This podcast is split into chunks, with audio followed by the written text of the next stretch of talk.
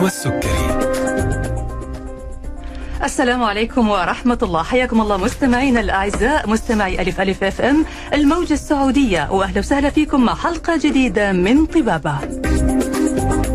يسعدني أكون معكم أنا نشوى السكري لمدة ساعة على الهواء مباشرة. من الآن وإلى الساعة 2 بعد الظهر وموضوع طبي جديد وضيف جديد.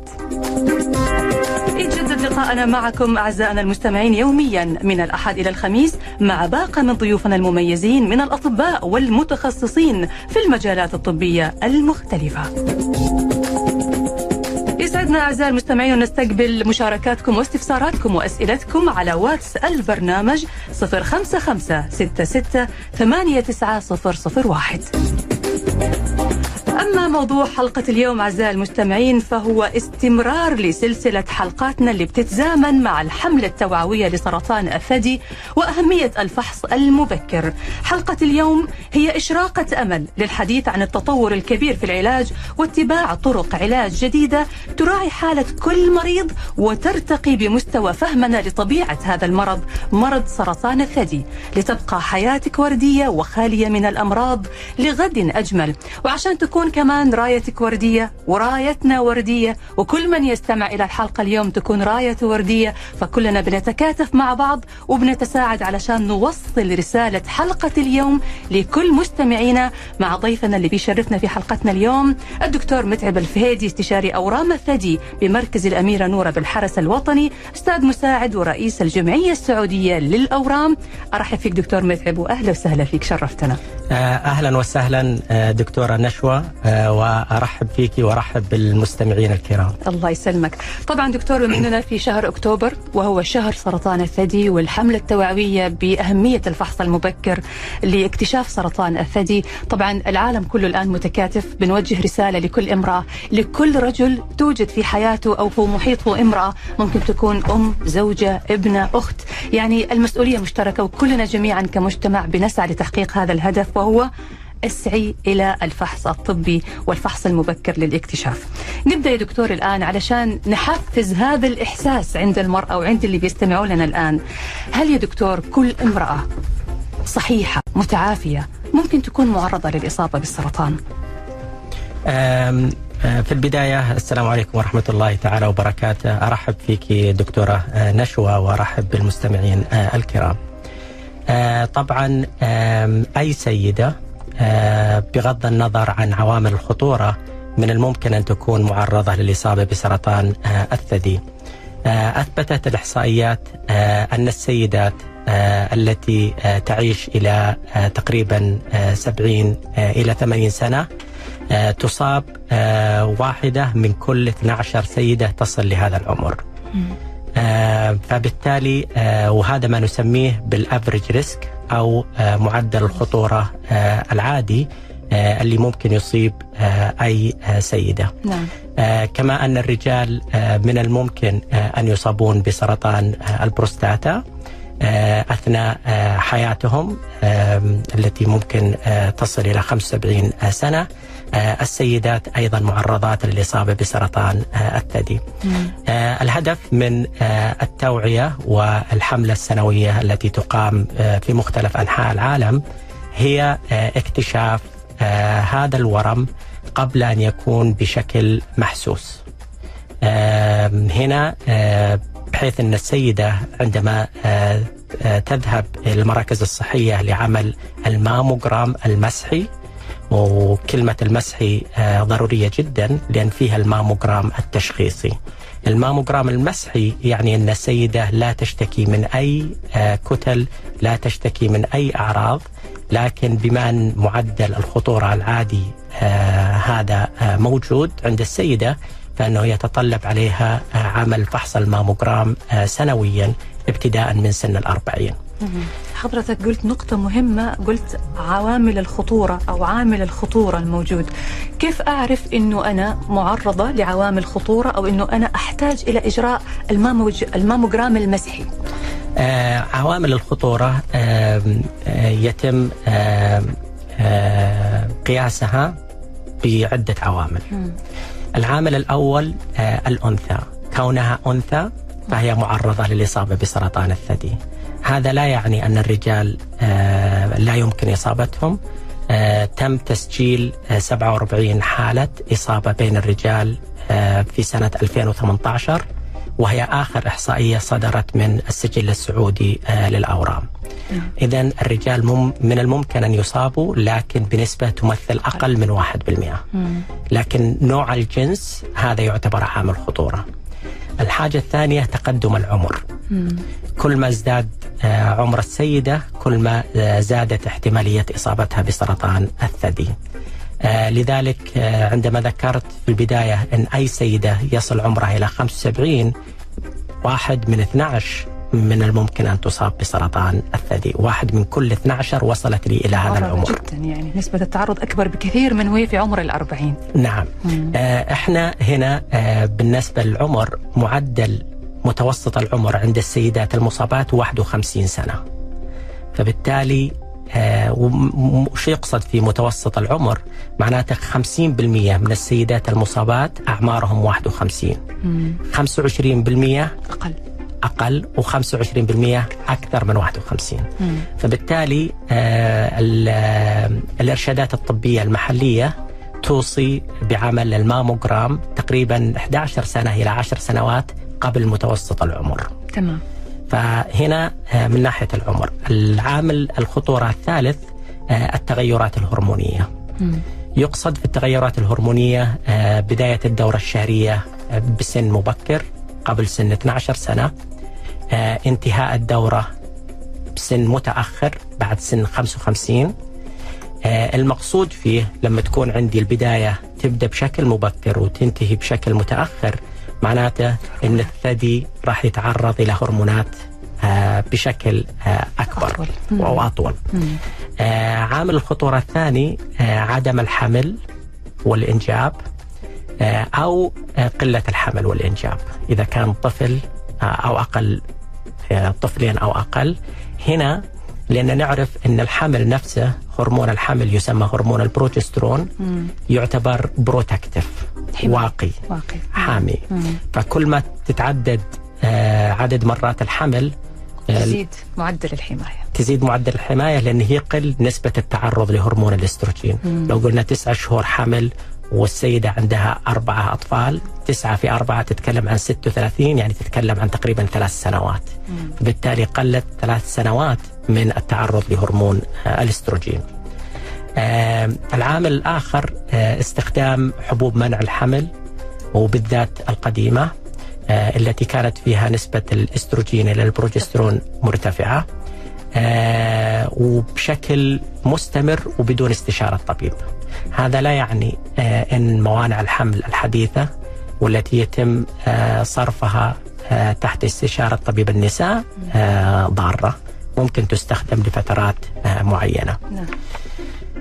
عامل من التغيرات الهرمونية الأخرى أيضا بعض السيدات كما تعرفين الدكتورة نشوى عندما تنقطع عندها الدورة الشهرية تبدأ عندها أعراض انقطاع الدورة الشهرية الهبات الحرارية سن النضج. سن النضج. بالضبط الهبات الحرارية تغير الوزن التعرق الليلي. مم. فبعض السيدات ما تتحمل الأعراض هذه فتضطر أنها تأخذ هرمونات تعويضية. مم.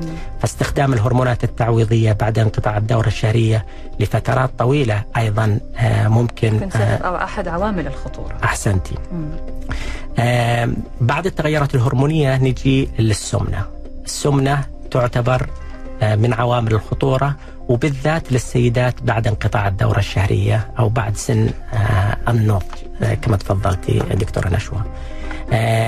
النشاط البدني عدم مزاولة ممارسة الرياضة أيضا أثبتت الدراسات إنه يعرض ويعتبر عامل خطوره بالنسبة لسرطان الثدي. التدخين له علاقة في الموضوع هذا يا دكتور؟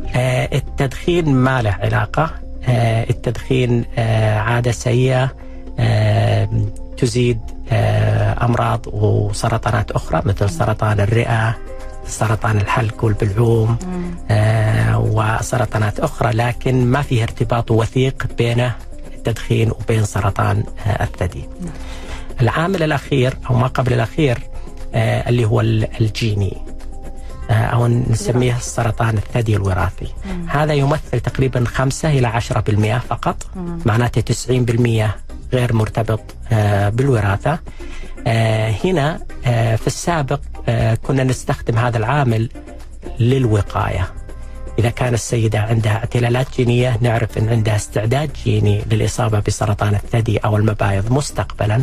لكن الآن مع توفر آه، الأدوية آه، تم آه، اعتماد أدوية حديثة تعالج هذا النوع من سرطانات الثدي الوراثية اللي هي ال PARP inhibitor دكتورة نشوى. ممتاز. يعني الآن يا دكتور إضافة للماموجرام أو للماموجرام المسحي صار في اختبارات ثانية اللي هو الاختبار الجيني اللي يمكن من خلاله معرفة أنه هذه المرأة قد تكون معرضة للإصابة مستقبلا بسرطان الثدي. أحسن هذا اكتشاف استباقي قبل الإصابة.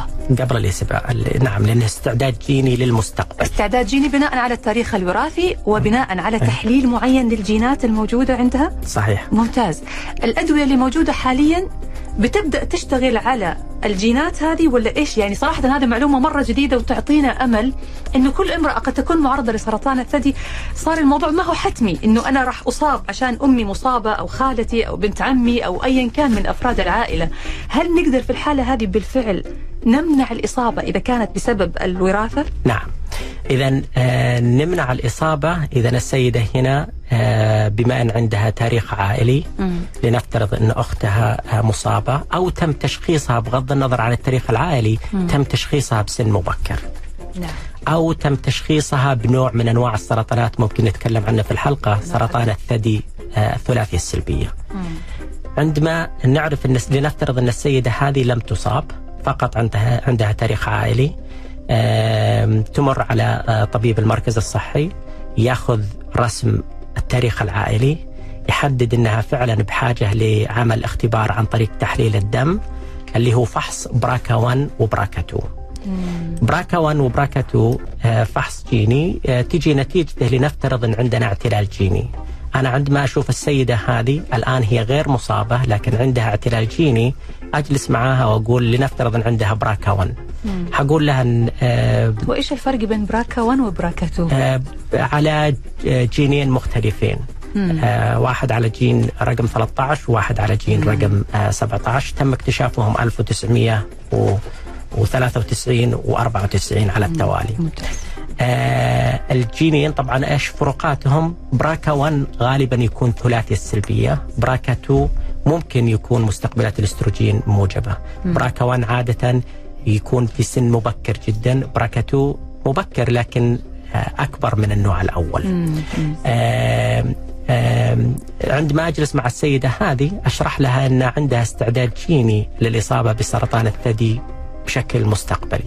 فبالتالي هنا آه، ننصحها آه، بعمل استئصال للثدي وإزالة جميع أنسجة الثدي في الجهتين آه، لأن عندها استعداد جيني للأسف للإصابة بسرطان آه، الثدي.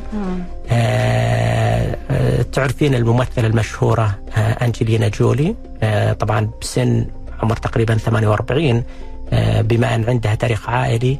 هي ما أصيبت بسرطان الثدي لكن عملت التحليل. طلع عندها التحليل. ذا فبالتالي اضطرت إنها تزيل الثديين. آه، يعملون يسمونها double mastectomy إزالة الثديين. وطلعت على ال CNN سنة 2013 وفي ال headlines ويعني آه، وزاد أخذت الخطوة الاستباقية علشان تمنع أنها تتعرض للمخاطر مستقبلا. والاستئصال في النهاية. يعني هي كده قالت أستأصلهم بدون الإشعاعي والكيماوي والأدوية والمخاطر هذه. آه وبعد ما تكمل آه بعد ما تكمل آه آه العائلة آه وتنجب وتصل لسن معين من 40 إلى 45 نتكلم عنها عن إزالة المبايض وقناة فالوبيان تيوب. مم. يعني كل مكان أو كل عضو معرض للإصابة بيتم التعامل معه على حدة نعم. عشان نمنع الإصابة مستقبلا. لا زال عندنا أسئلة كثيرة جدا دكتور. هنكمل حوارنا وهنكمل أسئلتنا في حلقة اليوم من طبابة مع ضيفنا الدكتور متعب الفهيدي استشاري أورام الثدي. نتابع بعد الفاصل.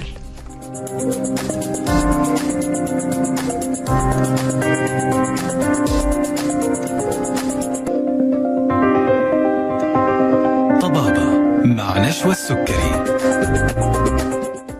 ورجعنا لكم مرة ثانية أعزائنا المستمعين وبرنامج طبابة مع ضيفنا ونجم حلقتنا اليوم الدكتور متعب الفهيدي استشاري أورام الثدي بمركز الأميرة نورة بالحرس الوطني الأستاذ المساعد ورئيس الجمعية السعودية للأورام وحلقة اليوم برعاية شركة روش حياك الله دكتور أهلا وسهلا فيك مرة ثانية. أهلا وسهلا دكتورة.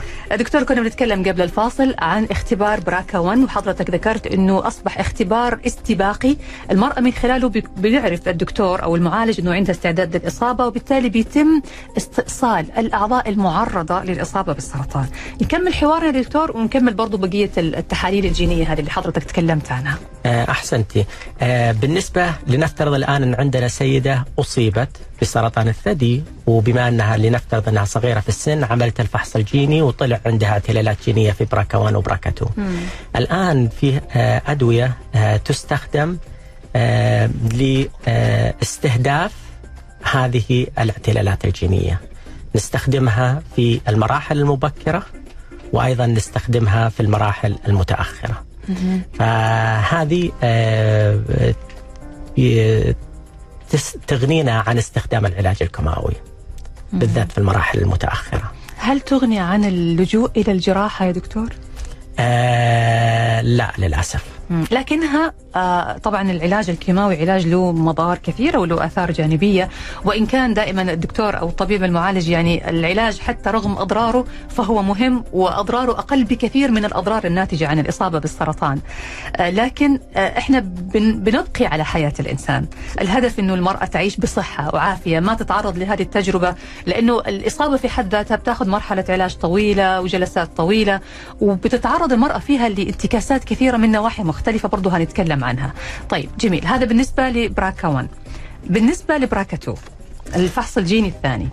آه نفس الكلام اللي ذكرته عن براكا 1 آه ينطبق تماما على براكا 2 اللي تختلف فيها نسب آه معدل الإصابة. براكا 1 يعتبر أكثر بالنسبة للثدي.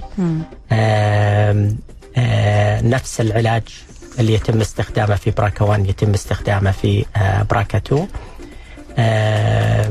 الأدوية هذه اللي نستخدمها لاستهداف هذه الطفرات الجينية تستخدم عن طريق الفم. فبالتالي نستغني عن بعض العلاجات الكيماوية في المراحل المتأخرة. وتأثيرها ما بيكون زي تأثير العلاج الكيماوي. صحيح. يعني ما يسقط الشعر ما تتساقط شعر الحواجب. الأشياء اللي بتتعرض لها المرأة من العلاج الكيماوي والإشعاعي طبعا ما بتلاقيها في هذا الدواء. نعم بنسبة أقل بكثير. يعني. الحمد لله. بعد ما يتم تشخيص براكتو إنه المرأة عندها الاستعداد بتأخذ العلاج هذا وإيش بيصير بعدها يا دكتور؟ يعتمد على المرحلة. مم. لنفترض إن عندي مرحلة رابعة. المرحلة الرابعة معناته إن نعم المتأخرة معناته إن المرض انتشر إلى أماكن كثيرة. مم. هنا راح تستخدم الأدوية أو مثبطات بارب. تستخدمها باستمرار بما أنها جايبة مفعول والمريض يستجيب لها ما هي مسببة له أي آثار جانبية ممكن يستمر عليها المريض. فبالتالي نؤخر استخدام العلاج الكيماوي. ممتاز. في المراحل المبكرة عادة نستخدمها إذا أعطينا مثلا علاج كيماوي قبل الجراحة. ثم بعد بعد الجراحة لما نفحص نسيج الثدي حصلنا فيه بواقي للخلايا الورمية. فبالتالي معناته أن العلاج الكيماوي ما قضى على الخلايا الورمية أو ما أذابها تماما. هنا نستخدم مثبطات البارب بعد الجراحة. مم. الطريقة هذه بينت أن المثبطات هذه تقلل عودة المرض بمشيئة الله. في الآن تكاثر الخلايا السرطانية من جديد مثلا؟ أيوه وبالتالي عودتها مم. آه ويطيل آه مدة بقاء آه السيدة بمشيئة الله مم. يمكن بعض المستمعين اللي ما عاشوا التجربة أحيانا الإنسان ما يشعر بمشاعر المصاب أو عائلته أو المصابة تحديدا إحنا بنتكلم عن سرطان الثدي عند المرأة ويمكن ما يعرف قديش مهم إنه نلاقي بارقة أمل بسيطة شيء أو دواء ممكن يطيل العمر. طبعا الأعمار بيد الله اولا وأخيرا ولكن نحن نأخذ بالأسباب ونأخذ بالعلم أيضا. فقد يكون في دواء الدواء هذا يطيل العمر مثلا أو يحسن من النتائج يمكن يخلي المرأة يعني بدل ما تتوفى بدري تتوفى مثلا يطيل عمرها ثلاث سنوات أربع سنوات أو يقلل من المخاطر فترة فترة أطول. وبالتالي هذا الشعور يمكن ما يشعر غير اللي عاش التجربة. قديش يبحث عنه لو يوم واحد زيادة عشان يعيش مع أحبابه ومع أقاربه. آه صحيح آه، دكتورة نشوى آه أنا أحب هنا أوجه آه لما نتكلم عن إطالة آه عمر الإنسان آه نوعية الدراسات في في الأورام تستخدم آه هذا النموذج. آه في المراحل المبكرة وأقصد في كلمة المبكرة واحد اثنين ثلاثة آه هدف العلاج هو أن يكون ماضي بمشيئة الله. تم استئصاله ممكن تحتاج علاجات مساعدة سواء العلاج الكيماوي سواء العلاج ال- ال- اللي تكلمت عنه قبل شوية العلاج الإشعاعي العلاج الهرموني. لفترات معينة وبعد ذلك نوقف العلاج ثم الهدف منها خلاص بحيث إنه يكون ماضي تماما شفي تماما. هذه في المراحل المبكرة. أهداف العلاج لنا كأطباء في المراحل المتأخرة أو المرحلة الرابعة هي السيطرة على المرض أطول فترة ممكنة وبالتالي إطالة عمر المريض. بأمريكا. مم. الآن أقول لكم فيه آه، للمستمعين ولك دكتورة نشوى آه، عمر المريضة في المراحل آه، الرابعة يصل الآن إلى خمس سنوات مع الخط العلاجي الأول. مم. ممتاز. طالت الفترة. طالت الفترة. في السابق قبل ما نستخدم العلاجات الكيماوية وقبل ما نستخدم الأدوية الحديثة بدون علاج كيماوي المفروض المريض يجلس ستة شهور. مم. فقط. تخيل الآن ستة شهور تقارنها بخط علاجي الأول تصل إلى خمس سنوات. ممتاز. فهذا المتوسط خمس سنوات. ممكن الله. أكثر. وممكن أكثر. لما بعدها تستخدم لما المريضة آه، أو الخلايا الورمية تبدأ تكون مناعة ضد الأدوية ممكن أستخدم الخ- الخط العلاجي الثاني. ثم الخط العلاجي الثالث. وهكذا. ممتاز. ممتاز دكتور. آه، طبعا آه، حنا في عصر ال- ال- الطب الشخصي الآن. فعلا. حتى في المراحل بما أن الآن نتكلم عن المراحل المتأخرة فيها الآن فحوصات ناخذ الورم ونعمل عليه التسلسل الجيني أو نسميها ال next generation sequencing التسلسل الجيني آه، هنا يحدد لي الخلايا الورمية هذه تتغذى على إيش. يا سلام دكتور هذا سؤال مهم كنت راح أسأله لحضرتك. تفضل. أي. ثم بعدها طال عمرك دكتورة نشوى آه، لما أعرف أن الخلية تتغذى على آه، أنواع معينة آه، نستخدم آه، أدوية تستهدف المغذيات المغذيات للخلايا تنمي أو تكثر من تكاثر هذه الخلايا. أحسنتي. مم. فبالتالي آه، يكون فيه آه، استجابة. مم. آه، مستقبلا جميع في منظوري أنا وفي بعض الدول الأوروبية آه، والأمريكية يستخدمون ال next generation sequencing في المراحل الرابعة على الأقل بعد الخط العلاجي الثاني علشان أعرف تتغذى على إيش ليش قاوم الخط العلاجي الأول. مم. لكن أتركه للخط العلاج الثاني عشان أقدر أقيس ردة الفعل. ردة الفعل. أيوه. دكتور يشاع إنه تناول السكر الألبان منتجات الحليب بعض أنواع المغذيات أو الأكل العادي اللي إحنا ناكله هذا من الأشياء اللي بتساعد في زيادة وانتشار ويعني زيادة أحجام اورام السرطانية. بعض الناس توقفوا عن السكر تماما والحليب ومنتجات الألبان وما إلى ذلك لفترات طويلة لأنه ما يبغى ياخذ العلاج ال- الكيماوي أو الإشعاعي قال أنا راح أجوع الخلايا علشان إنه ما ما يكثر عندي أو ما ينتشر عندي المرض. هل هذا ال- التصرف صحيح يا دكتور؟ وهل فعلا له نتائج؟ آه، السؤال هذا طبعا شائع. دائما نواجهه في في في العيادة. آه، قبل بس ما أجاوب على سؤالك بس بحط مقدمة للمستمعين الكرام والمستمعات الكرام. إن الخلايا في أجسامنا تتغذى على السكر. الغذاء المفضل للخلايا ومنها خلايا الدماغ خلايا القلب جميع أنواع الخلايا تتغذى على السكر. نعم. آه، ال أقدر أسميها ال- المعلومة المغلوطة هذه جت آه، عندما تم اكتشاف البيت سكان. البيت سكان. هذه أشعة آه، تشبه الأشعة المقطعية لكنها تستخدم الجلوكوز ك contrast. آه فبت- مقارن يعني يقارنوه من خلال الجلوكوز. نعم بدل ما أعطي مثلا صبغة الصبغة كأنها جلوكوز. مم. فبالتالي الخلايا اللي تتكاثر المفروض إنها تأخذ الجلوكوز.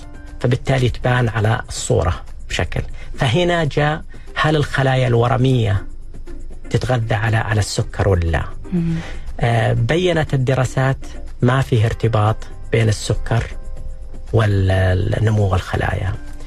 آه علشان أكون آه محق فيه الدراسة صغيرة جدا مكونة تقريبا من 33 35 مريضة في نوع معين من أنواع السرطانات ثلاثي السلبية آه، بينت أنه ممكن يكون نوع من أنواع الصوم أثناء العلاج الكيماوي وقبله بيوم يعطي نتائج إيجابية. نتائج إيجابية ويزود الاستفادة من العلاج الكيماوي. لكن آه بعد العلاج الكيماوي في الدراسة هذه. طبعا الدراسة هذه صغيرة جدا ما تقدر تبني عليها إطلاقا آه، ولا تقدر تعممها على الجميع. لكن بشكل عام ما فيه آه، أي ارتباط بين السكر ونمو الخلايا الورمية. ممتاز. بقول حاجة دكتورة. آه، أمس للأسف شفت في في جاني على الواتساب عن الصبرة. وإحنا الآن بكل أمانة بالجمعية السعودية للأورام آه، طلبت من زملائي أن ننشر بيان عن عن المعلومة هذه. أيوه كانت آه، في سيدة آه، أعتقد من المشاهير تعرض أن الصبره هذه ممكن تعالج الورم وأن والدتها ممكن تستخدمه وبعدين تعمل الفحوصات. إحنا أنا الآن لما تكلمت عن عن السكر ذكرت 33 و35 ودراسة وتحت آه، أنظار العلماء ومع ذلك ما عممت لأن العدد قليل جدا. نعم. فما بالك إنني بنعمم على تجارب شخصية. مم. أنا أؤمن بالطب النب النبوي. آه وأؤمن آه وكلنا مؤمنين إن كل داء له دواء. أكيد. آه لكن بكل أمانة آه تخيل انه مثلا ممكن أحد يسمع التغريدة هذه ولا يشوف السناب يتوقف عن العلاج. يتوقف عن العلاج ولا يتأخر دكتورة نشوى. ولا يتأخر. ثم بعدها لا سمح الله لما ترجع مم. ترجع المرض. في مراحل متأخرة. في مراحل متأخرة تتغير أهداف العلاج. آه، فيعني رسالة مني بكل أمانة آه، للمشاهير. آه، يعني آه، قبل ما تقول معلومة يعني آه، شوف المصدر تأكد من موثوقيتها. ارجع لطبيب مختص تأكد من إنه المعلومة بالفعل يعني حقيقية ومؤكدة ومعتمدة وفي عليها دراسات موثوقة. لأنه أنت ممكن بهذه الكلمة أو بهذه التغريدة يعني تكون سبب في دمار حياة إنسان ممكن تكون سبب في وفاة إنسان وتشتت أسرة بالكامل. مسؤولية كبيرة جدا الكلمة مسؤولية. المشاهير اللي بيحاولوا أنهم يعني ينشروا معلومة قد تكون بحسن نية ما نعرف الله أعلم. لكن رجاء المعلومات الخاصة بحياة الإنسان رجاء قبل عرضها أو نشرها. الرجوع للأطباء وأبواب الأطباء مفتوحة مثل الدكتور متعب الفهيدي موجود وبيستقبل أي استفسار وأي استشارة وبيجاوب عليكم فرجاء. تأكدوا قبل نشر أي معلومة. أنا بشكرك والله يا دكتور على أنه حضرتك أثرت هذه النقطة لأنه فعلا الموضوع هذا مهم جدا. حلقتنا فيها يعني إشراقات أمل كثيرة اليوم وحضرتك ذكرت لي موضوع مهم خاص بالجراحات التعويضية مو معنى الإصابة بسرطان الثدي في مراحل متأخرة أو حتى استئصال الثدي أن المرأة راح تفقد آه، أنوثتها. لا بالإمكان أنها تحافظ على أنوثتها وتكون امرأة مكتملة. هنعرف هذه النقطة يا دكتور ولكن بعد ما نطلع فاصل قصير نرجع بعده لمواصلة حوارنا.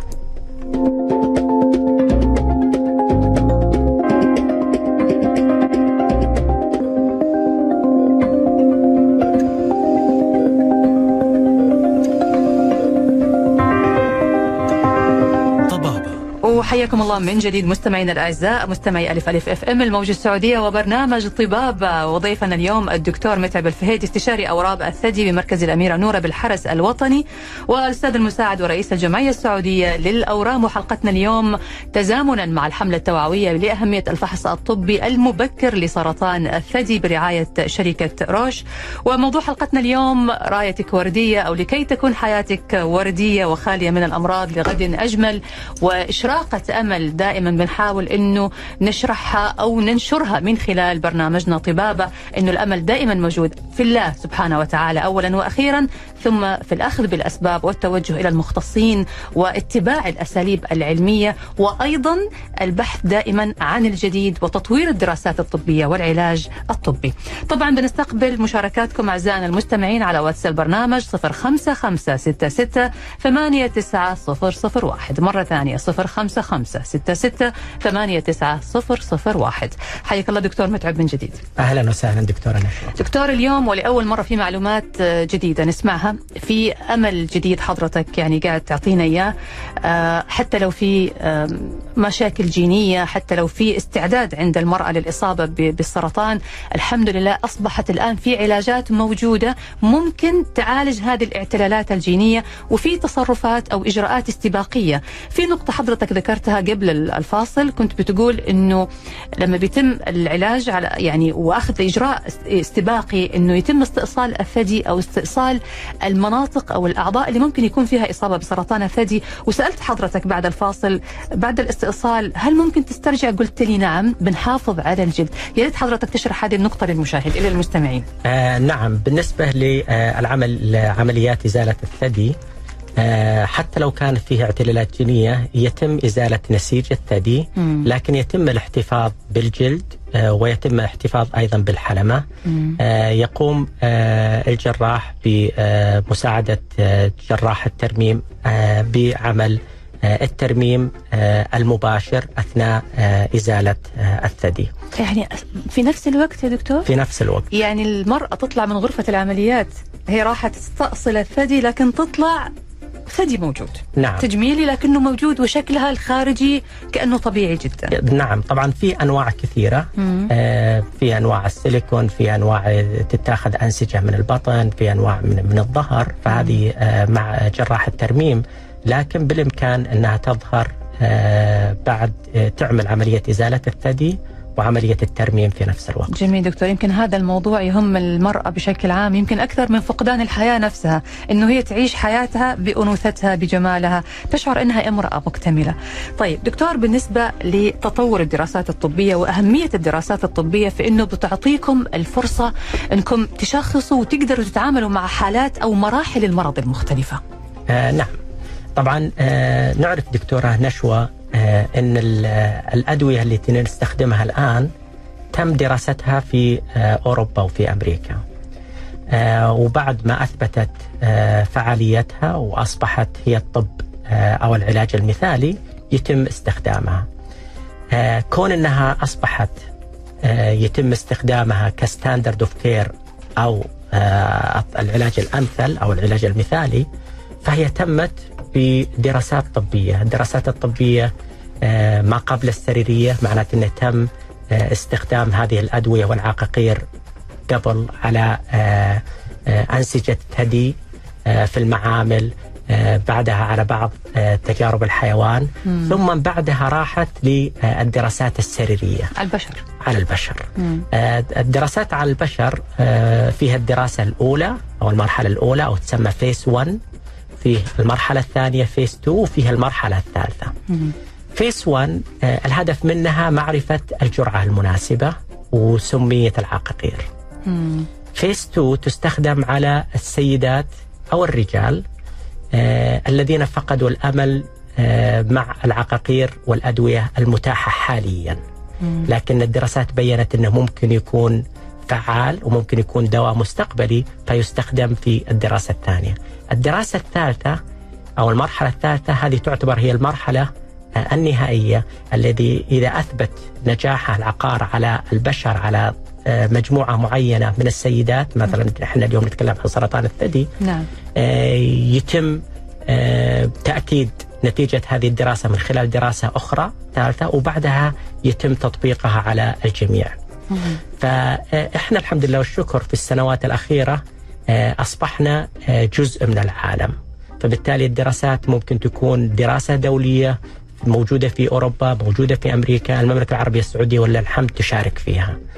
ف آه، آه، من خلال آه، منبركم آه، بكل أمانة آه، أشجع السيدات للمشاركه في الدراسات الطبية لأن الدراسات الطبية هي الجديد. وبعدين لما توصل للمرحلة الثالثة هذا معناته إن الدواء آه، فعلا آه، له مستقبل مم. درجة ما أقول لك أنه لازم يكون هو العلاج الأمثل لكن له مستقبل آه، وفي النهاية إذا فعلا طلع له مستقبل تكون السيدة حصلت على الدواء هذا. سن آه، يعني بشكل مبكر تخيل أن الدواء هذا قبل ما يصير له اعتماد في أوروبا ويجي للسعودية ويصير له اعتماد تعدي سنوات ممكن ممكن تصل إلى سنتين إلى ثلاث سنوات. جميل فإحنا الآن الحمد لله والشكر في دراسات طبية من الدرجة الثالثة آه، من المرحلة الثالثة ما هي مرحلة المرض من آه، الدراسات الطبيه من النوع الثالث هذا و phase 3 clinical trial. موجودة آه، فقط لتشجيع السيدات للمشاركة فيها. طبعا إحنا دائما في الدراسات الطبية نختار آه، السيدات معينات تكون ما عندهم مشاكل صحية أخرى وتكون المراقبة عليهم بشكل أوضح. يعني آه، في فحوصات معينة، أشعات معينة على الوقت لأنها في النهاية راح تعمم آه، للعالم، فلازم تكون الأرقام واضحة وصريحة. قبل نشرها. دكتور بالنسبة للسيدات اللي حابينهم يشاركوا في هذه الدراسات هل في معايير معينة لاختيارهم حضرتك قلت تكون يعني صحيحة ومعافاة وما عندها أمراض ثانية نعم إيه. نعم كل دراسة لها معايير ولها مؤهلات. مم. مؤهلات مثلا عمر معين آه، مستوى معين ما يكون عندها مثلا مثلا مرض السكري غير متحكم فيه ما يكون عندها مشاكل في القلب آه، بحيث إنك تستخدم الدراسة هذه علشان تقدر تعممها لكن, ظهور لكن هي النتائج تكون امرأة صحيحة. ما هي- عندها حتى يعني بوادر سرطان. لا لا هي تكون مريضة بس- بالسرطان. تكون مريضة عندها مرض أي نعم. مريض- لكن ما عندها أمراض أخرى مع الإصابة بالسرطان. احسنتي نعم. جميل دكتور يعني يمكن حضرتك هنا بنتكلم عن دور آه، مريضات السرطان حتى وهي في مرحلة الإصابة. يمكن آه، قد يكون هذا الابتلاء ابتلاء من الله سبحانه وتعالى لها على صبرها وقد يكون لها أجر كبير جدا في مشاركتها في هذه الدراسات إنها من خلال مشاركتها يعني تظهر نتائج وتطوير في العمليات ال- في العلاجات وبالتالي قد تنقذ حياة إنسان آخر وبالتالي إنقاذ حياة إنسان هذا أجر كبير جدا نسعى. كلنا إنه إحنا أحسنت. نحصل عليه أحسنتي آه، أتفق معك وبكل أمانة هذا اللي أنا أقوله للمرضاي هذا يعتبر آه، عمل صالح مم. يعني أنت الآن العلاج الأمثل وصلنا من ناس آه، عملوا الدراسات في سنة 1970 يعني قبل 50 سنة بعضهم. وبعضهم قبل 30 سنة. وإحنا نستخدمها اليوم.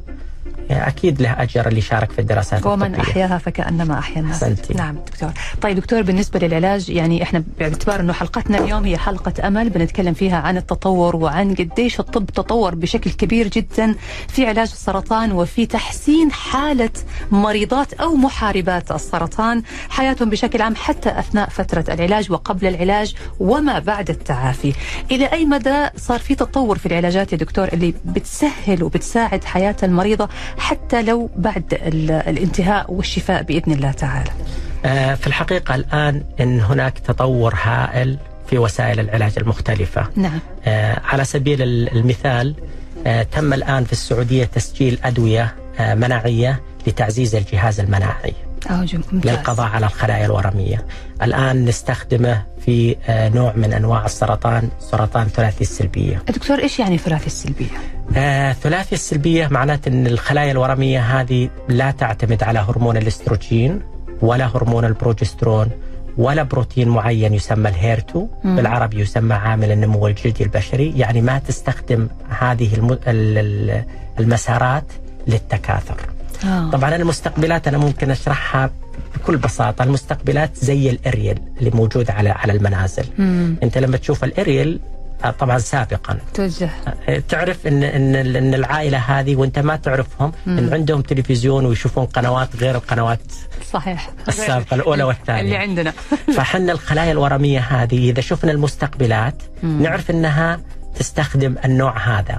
فبما أن مستقبلات الإستروجين موجودة اذا تستخدم هرمون الإستروجين. إذا هذا النوع من السرطان بيعتمد على هرمون الإستروجين. للتكاثر. للتكاثر. ثلاثي السلبية مستقبلات الإستروجين ما هي موجودة؟ فما يعتمد على هرمون الإستروجين. مستقبلات البروجسترون غير موجودة ما يعتمد على هرمون البروجسترون. ومستقبلات بروتين معين يسمى ال HER2.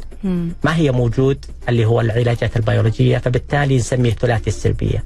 فغالبا نستخدم فقط العلاج الكيماوي. معناها إنه هذه ثلاث أسباب ما هي ما, ما لها دور ما, ما. تستخدمها الخلية. للتكاثر. فبالتالي نستخدم العلاج الهرمو العلاج الكيماوي للقضاء على الخلية بشكل آه. بشكل عشوائي. نعم. الآن تم تسجيل أدوية مناعية لتعزيز المناعة.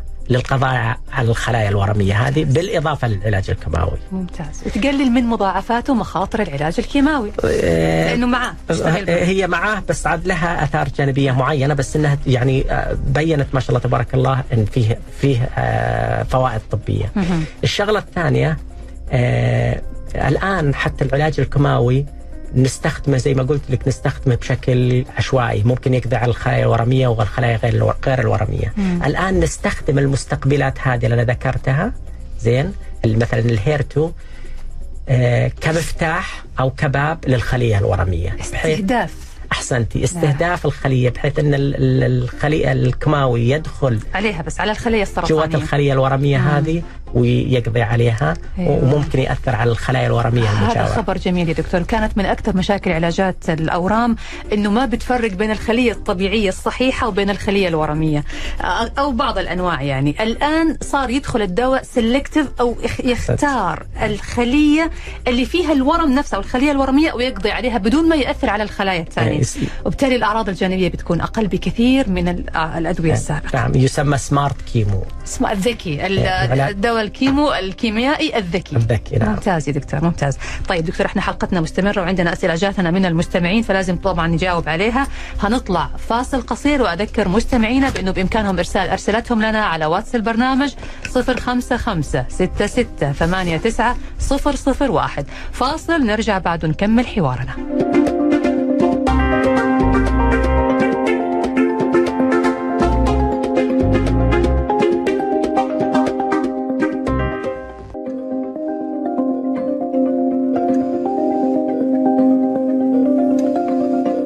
أرحب فيكم من جديد مستمعينا الأعزاء مع برنامج طبابه وضيف حلقتنا اليوم الدكتور متعب الفهيدي استشاري أورام الثدي.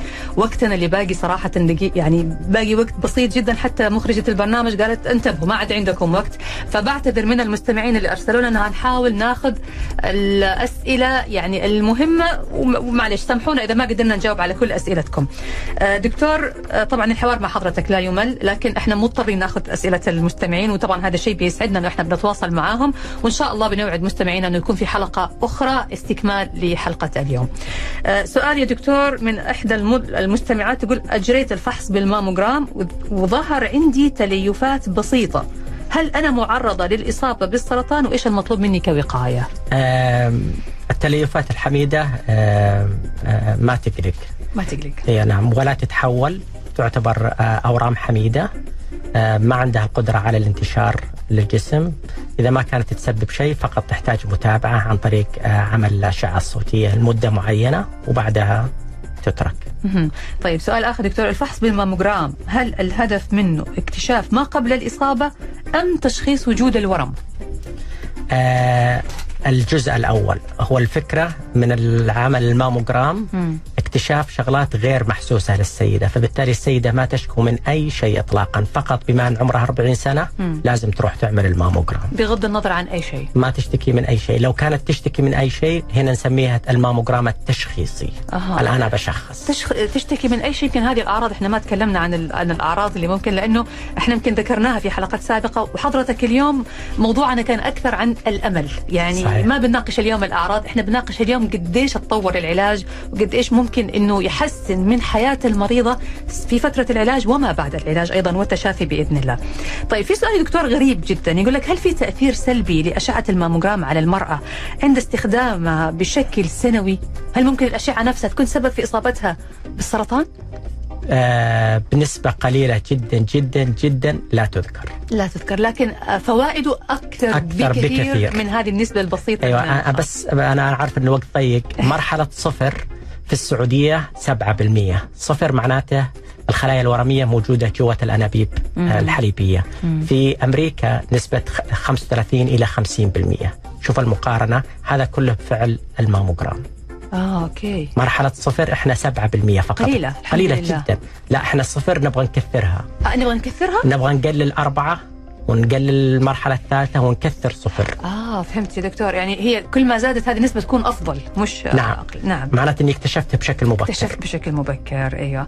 طيب بعد العلاج هل يطلب من المرأة الاستمرار في المتابعة واجراء الفحوصات مدى الحياة؟ آه عادة الخمس سنوات الأولى. وبعد كذا؟ وبعدها تعمل فحص الماموجرام سنويا فقط. تمام. طيب دكتور سؤال. هل يؤدي أخذ عينة من الثدي عند عن- من كتله معلش السؤال أكيد هو لانتشار المرض. إي بالضبط. ممكن تؤدي إلى حدوث آه، انتشار لسرطان الثدي؟ لا طبعا. أيوه. لا طبعا آه طبعا في أي مكان في العالم الخطة تبدأ من أخذ العينة. العينة تتاخذ بطريقة آه معينة ما تسمح بانتشار المرض. طيب. دكتور المرأة اللي تمت معالجتها من سرطان الثدي آه لكنها في مرحلة تحتاج فيها إلى هرمونات آه تعويضية هل معنى كده أنها تمنع تماما من أخذ الهرمونات التعويضية؟ يصير خطر عليها؟ أن نستخدم الهرمونات نستخدم العلاج ال- طبعا الهرمونات التعويضية ما تستخدم مم. لكن إحنا نستخدم العلاج الهرموني هو مسمى العلاج الهرموني لكنه اسم غلط هو العلاج المضاد للهرمون العلاج المضاد للهرمون لو كانت الخلايا عندها مستقبلات الاستروجين تعتمد آه. على هرمون الاستروجين نستخدم علاج يقفل المستقبلات أيوه لأنه هذه إحنا ما نقدر نعطيها استروجين في الحالة هذه احسنت فهذا. نسميه العلاج الهرموني مجازا تمام لكن دكتور. التسمية غلط طيب في سؤال يقول عدم الإحساس بالألم هل ينفي وجود السرطان؟ آه، معروف إن السرطان في البداية بدون ألم. لكن ممكن بعد كده لو لا سمح الله كبر الحجم وصار حجمه كبير وصار آه، يأثر على أنسجة ال- الجسم الداخلية عليها يضغط. عليها ذاك ممكن. الوقت يسبب ألم. دكتور إحنا بنشكرك جزيل الشكر لوجودك معنا الحلقة كانت جدا جميلة وفيها معلومات جديدة وفيها أمل لكثير من النساء وكثير من محاربات السرطان الإصابة بسرطان الثدي الآن لم تعد تعني نهاية الحياة بفضل الله تعالى تطورت الدراسات وتطور العلاج وأصبحت في كمان علاجات وقائية تمنع الإصابة أشكرك جزيل الشكر الدكتور متعب الفهيدي استشاري أورام الثدي مركز الأميرة نورة بالحرس الوطني والاستاذ المساعد ورئيس الجمعية السعودية للأورام. شكرا لوجودك معنا في حلقة اليوم. ونعود مرة أخرى ونوجه رسالتنا لمستمعينا ومستمعاتنا الكرام. بادروا بإجراء الفحص الطبي المبكر لسرطان الثدي. طالما وصلت سن الأربعين وانتهزي هذه الفرصة في شهر أكتوبر الفحوصات مجانية فقط لمجرد إنه إحنا نبغى نطمن عليكي عشان تكون رايتك وردية ورايتنا كمان وردية. اذا مستمعينا نترككم الآن في حفظ الله ورعايته. تقبلوا تحياتي أنا نشوى السكري. نلقاكم في الغد بإذن الله في حلقة جديدة. في حفظ الله ورعايته.